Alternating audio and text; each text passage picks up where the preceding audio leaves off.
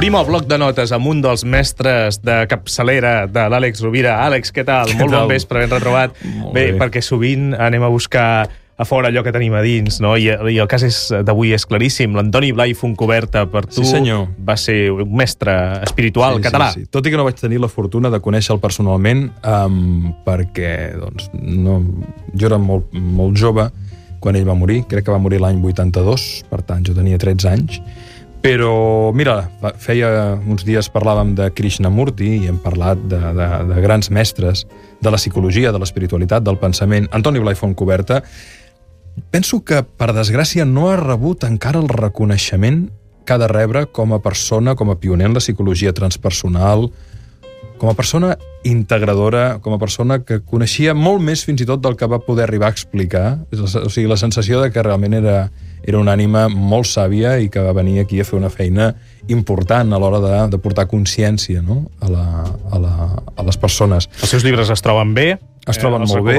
Índigo, Ediciones Índigo ha fet un treball Um, L'Antonio i el Juan Nuez han fet un treball extraordinari de recopilació i de compilació de, de la seva obra, juntament amb Miquel Sí. Martí, que ha fet una feina molt interessant de transcripció del, dels seus cursos. Per tant, hi ha llibres, hi ha material nou. molts dels conceptes dels quals estem parlant a l'Ofici de Viure des de ja fa gairebé dues temporades els va eh, tractar i en va, va aprofundir-hi Va Antoni. Blai Va Foncoberta. ser un gran pioner, un home molt valent, molt compromès, molt honest, molt lúcid, profundament savi.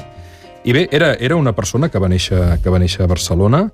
Um, ell deia, acostumava a dir en els seus, les seves xerrades, diu, la meva vida no té res d'extraordinari, una persona molt humil, molt divertida, va començar la carrera de Medicina, mm, però no la va acabar perquè de seguida es va interessar en la psicologia i va acabar els seus estudis, va obrir una consulta de psicologia clínica, activitat que compaginava amb els seus cursos eh, i amb les seves xerrades, eh, on exposava tota la seva, tot el seu descobriment, tant de la vessant oriental, era una persona que coneixia molt bé els iogues, els diferents tipus de ioga, de ioga, el hatha yoga, el raja yoga.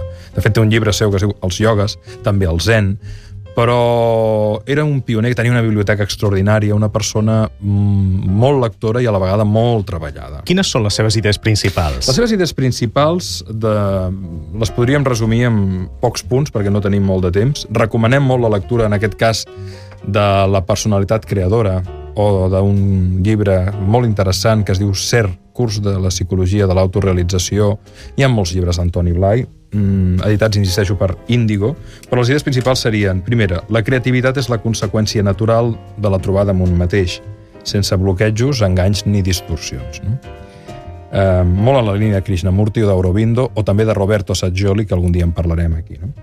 A través de la simplicitat, també deia Blai, s'accedeix a la liber- a la- a l'alliberament mental. És un camí de senzillesa que ens porta al centre de la, del, nostre, del nostre propi ésser.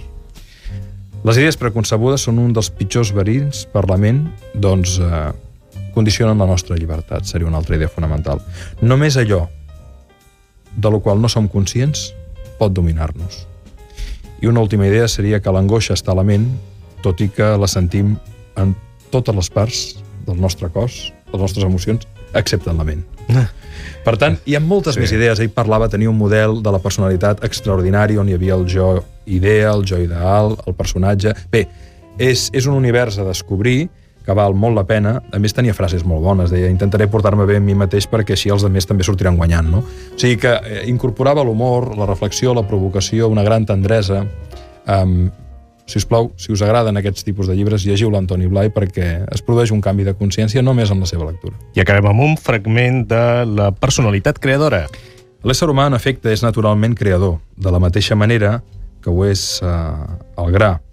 Um, la creativitat, doncs, no l'hem de veure exclusivament en aquells grans artistes, les obres dels quals admira la humanitat a través dels segles, ni tampoc en aquells homes genials en el terreny dels descobriments científics, de les realitzacions tecnològiques o de les innovacions comercials. La capacitat creadora es manifesta en tota acció que l'ésser humà executa amb la plenitud de tot el seu ésser, amb sinceritat, espontaneïtat i totalitat d'una ànima desperta i senzilla. Antoni Blai Foncoberta, avui al bloc de notes d'Àlex Rovira. Moltes gràcies, Àlex. Molt bona nit, bon cap de setmana. Molt bona vida.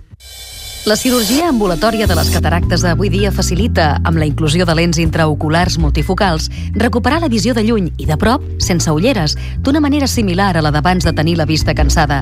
No dubteu a sol·licitar una consulta informativa amb els facultatius del Centre d'Oftalmologia Barraquer, perquè, a més de tenir perícia i experiència contrastades, disposen sempre dels últims avenços oftalmològics en benefici del pacient és una recomanació del Centre d'Oftalmologia Barraquer, web barraquer.com.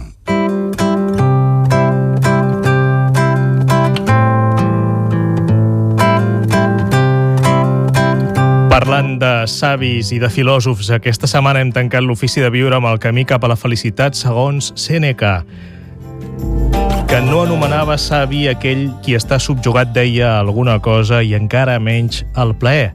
Segons Seneca, el plaer s'extingeix justament quan més delecta. No té gaire espai i per això de seguida s'omple i esdevé tediós i es marceix després del primer impuls. Tornarem dilluns a l'Ofici de Viure de Catalunya Ràdio parlant de l'estrès i el correu electrònic, la gestió del correu electrònic per tal de no estressar-nos. Que tingueu molt bon cap de setmana.